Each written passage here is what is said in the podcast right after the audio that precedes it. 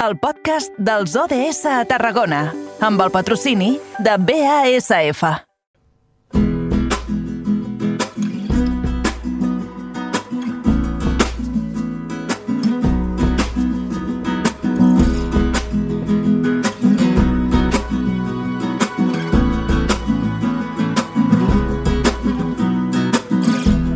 Si el frío rompe la noche. Vinga, que agafem nosaltres ara l'agenda 2030, l'agenda de les Nacions Unides. Comencem a repassar els objectius de desenvolupament sostenible, els ODS, que cada dia tenen presència a un programa com aquest, Carrer Major, i que es marquen una data al calendari, que és l'any 2030.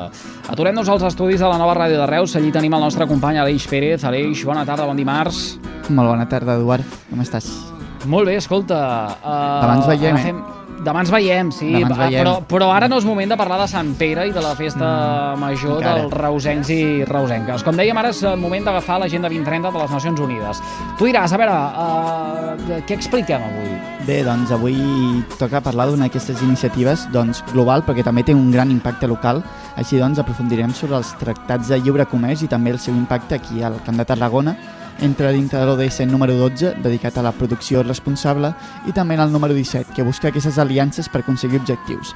Ens acompanya per parlar-ne des dels estudis de Radio Ciutat de Tarragona, Salvador Balcells, membre de l'ONG Entre Pobles. Molt bona tarda. Bona tarda.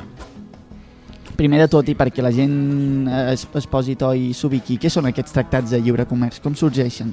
Bueno, aquests tractats de lliure comerç, en el cas de la, de la Unió Europea, són uns tractats que es negocien directament des de la Comissió Europea, que són els tècnics, que són els que estableixen les línies de negociació i els països, país o països preferencials per establir aquest, aquests tractats de lliure comerç basats sempre en un intercanvi comercial i per suposat amb els interessos que tenim nosaltres, la Unió Europea, per la nostra producció, per la nostra economia i possiblement algunes vegades sense valorar massa a les persones que els afecten. Ja vam tenir una experiència amb el, amb el TTIP, que després no es va concloure amb els Estats Units, amb el, amb el fet amb el Canadà i el TISA. Són de llarga durada perquè les negociacions són molt complexes i ara estem davant de, de la consolidació de, després de 20 anys de signar un tractat de lliure comerç amb Mercosur. No?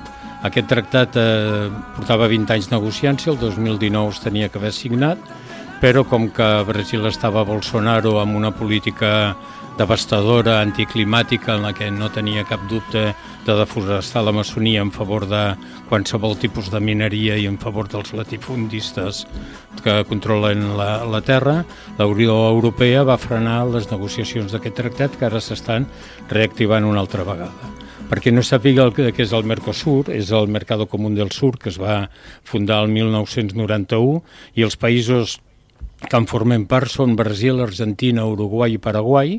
Posteriorment s'hi va afegir Venezuela, però ara està suspesa. Eh, Bolívia està en un procés d'adhesió i després hi ha tots els països perifèrics, igual que Xile, que Perú, que, que, la, que Guayana, que Surinam, que Colòmbia, que també tenen en demanar la seva adhesió amb aquest, amb aquest tractat de lliure comerç.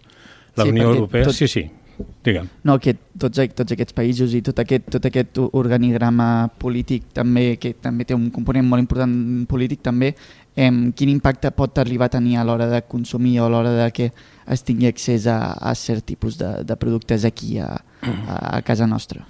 Bueno, en primer lloc, aquest és un tractat que es- que es- que s'està intentant signar amb una orientació clara, que és el subministrament de les matèries primeres que hem de necessitem nosaltres per mantenir el nostre procés de creixement econòmic.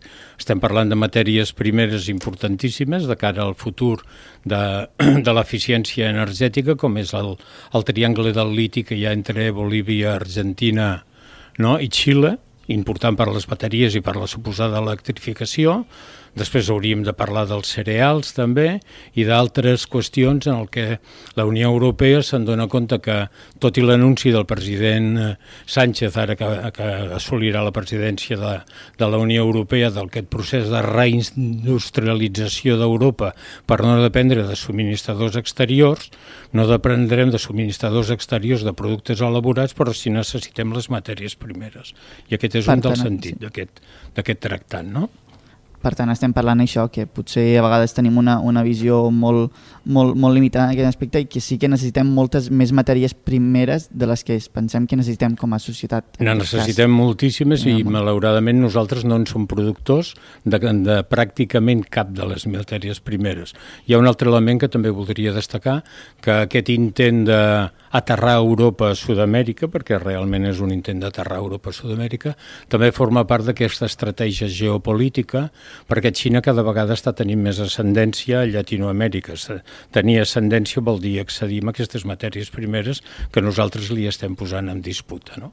Llavors, clar, aquí juga la geopolítica, juga l'economia i juguen moltes estratègies per aconseguir uns objectius clars. No? Per tant, com podem arribar a trobar o generar un equilibri d'obtenir o aconseguir les matèries primes necessàries per, nostre, per mantenir el nostre estil de vida o potser hem de reconcebre inclús la, la, la nostra vida sense aquestes matèries primeres? Jo crec que cada vegada surten més veus, el que passa és que el xoc és molt complex, no? perquè estem davant d'un model socioeconòmic de lliure mercat i un model socioeconòmic capitalista que revertir aquesta situació és molt difícil i els primers que no estem disposats a revertir-la som nosaltres, ens il·lusionem amb les noves tecnologies, ens il·lusionem amb les eficiències energètiques, però possiblement no som conscients de que ja no podem viure el ritme que hem viscut perquè continuem parlant d'unes matèries primeres maneres no? el que sempre s'ha estat explicant. Estem parlant de créixer infinitament en un planeta que de recursos és finit. I és Exacte. molt difícil, no? Però... I estem, Sí, sí, i estem parlant també que té, que té conseqüències això en els països dels quals es sostreuen aquestes matèries primeres. Aquests... Són fons d'especulació. Sí, són fons d'especulació i després una de les qüestions que no se'n parla massa d'aquest tractat de lliure comerç és l'accés a, a unes matèries del sector primari, a, unes, a uns productes com és els cereals. No? Eh, sí. Per exemple, Argentina és un país que pot donar alimentar 300 milions de persones i en canvi hi ha gent que s'està morint de gana.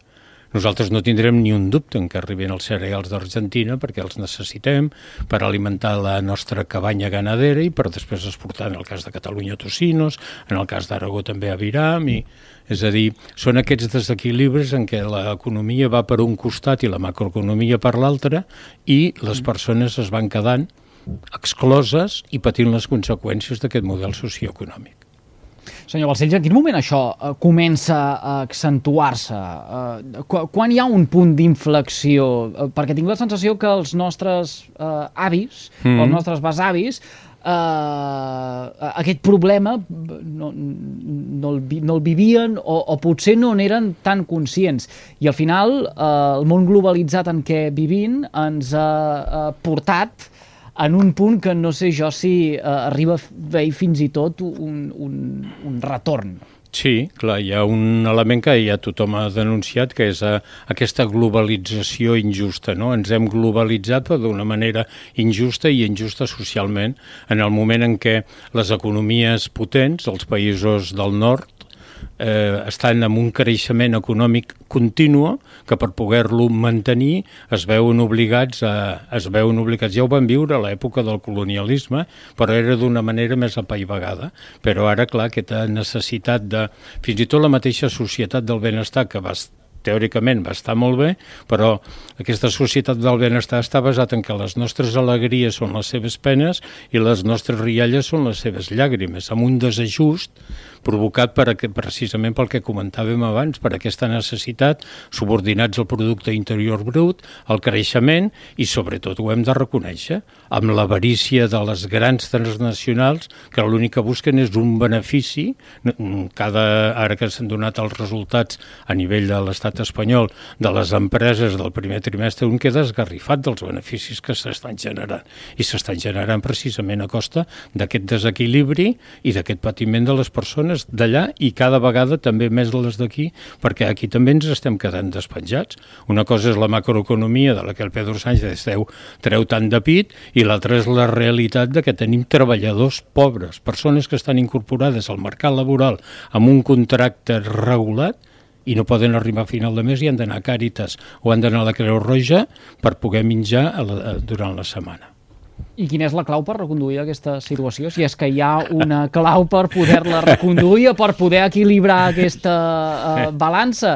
Uh, uh, uh, ens hem de posar uh, de produir gra, que no haguem de dependre, per exemple, doncs, de l'Argentina o, o del graner d'Europa, que n'hem parlat moltíssim també mm. aquests, últims, aquests últims mesos, uh, fruit de la invasió russa d'Ucraïna. Home, és evident que hauríem de canviar tot aquest model socioeconòmic, però a veure, hem de ser conscients de les enormes dificultats, que no hi ha cap solució fàcil fàcil i que els primers responsables de què hem de ser nosaltres, hem de canviar uns hàbits de vida, encara així el repte no és gens, no és gens fàcil, no hi ha una fórmula màgica.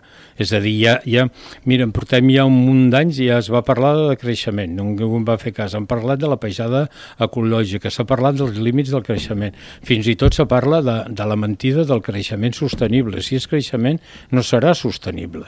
Llavors, clar, s'han d'articular uns canvis tan importants que és, que és molt complicat. Si no canviem la manera de viure, si no aprenem a viure d'una altra manera, és molt difícil que puguem parar això, no? I cada vegada el, aquest model socioeconòmic l'únic que estem veient és que el món augmenta en població i l'únic que aconseguim és que cada vegada hi hagi més persones excloses. Llavors, considera que parlem molt i actuem poc? Parlem molt i actuem poc, efectivament parlem molt i actuem poc i els nostres responsables, és a dir, un dels grans problemes que tenim és que bona part dels nostres responsables polítics estan subordinats a l'economia.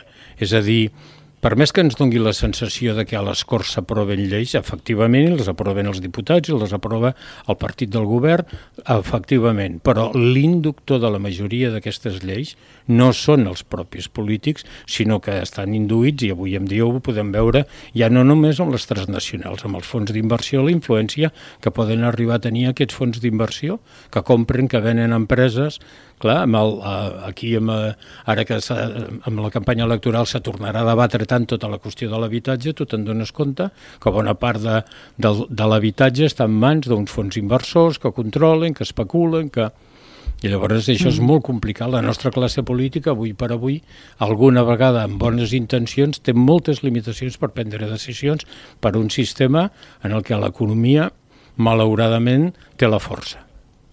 Important tot això, de fet ahir en parlàvem eh, aquí en aquest programa amb el doctor Sergio eh, Nassarri, membre de la mm -hmm. Càtedra d'Habitatge sí, de sí. la Universitat Rovira i Virgili. Val molt mm. la pena recuperar aquesta entrevista que tenim penjada a les nostres xarxes socials. I eh, sobretot, eh, ara que s'acosta una nova contesa electoral el 23 de juliol, ser conscients també eh, de quina és la papereta que dipositem a les eh, urnes, perquè hi han discursos i discursos i n'hi han d'aquests que encara fan fan desequilibrar més la balança tal com ens mm. explicava el senyor Balcells. Li agraïm moltíssim que hagi compartit aquests minutets amb eh, nosaltres, eh, que cada dia precisament el que intentem és Uh, contribuir a avançar en la consecució d'aquests objectius de desenvolupament sostenible.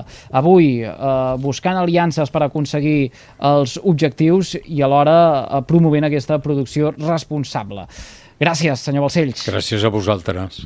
Adeu. Que vagi molt bé. I gràcies també a l'Aleix Pérez, el nostre company de la nova ràdio. Aleix, fes bondat, demà ens retrobem demà. Uh, de 4 a 7 a la plaça Mercadal de Reus per viure en primera persona aquesta festa major de Sant Pere. En primera fila. Que vagi molt bé. A reveure, fins demà.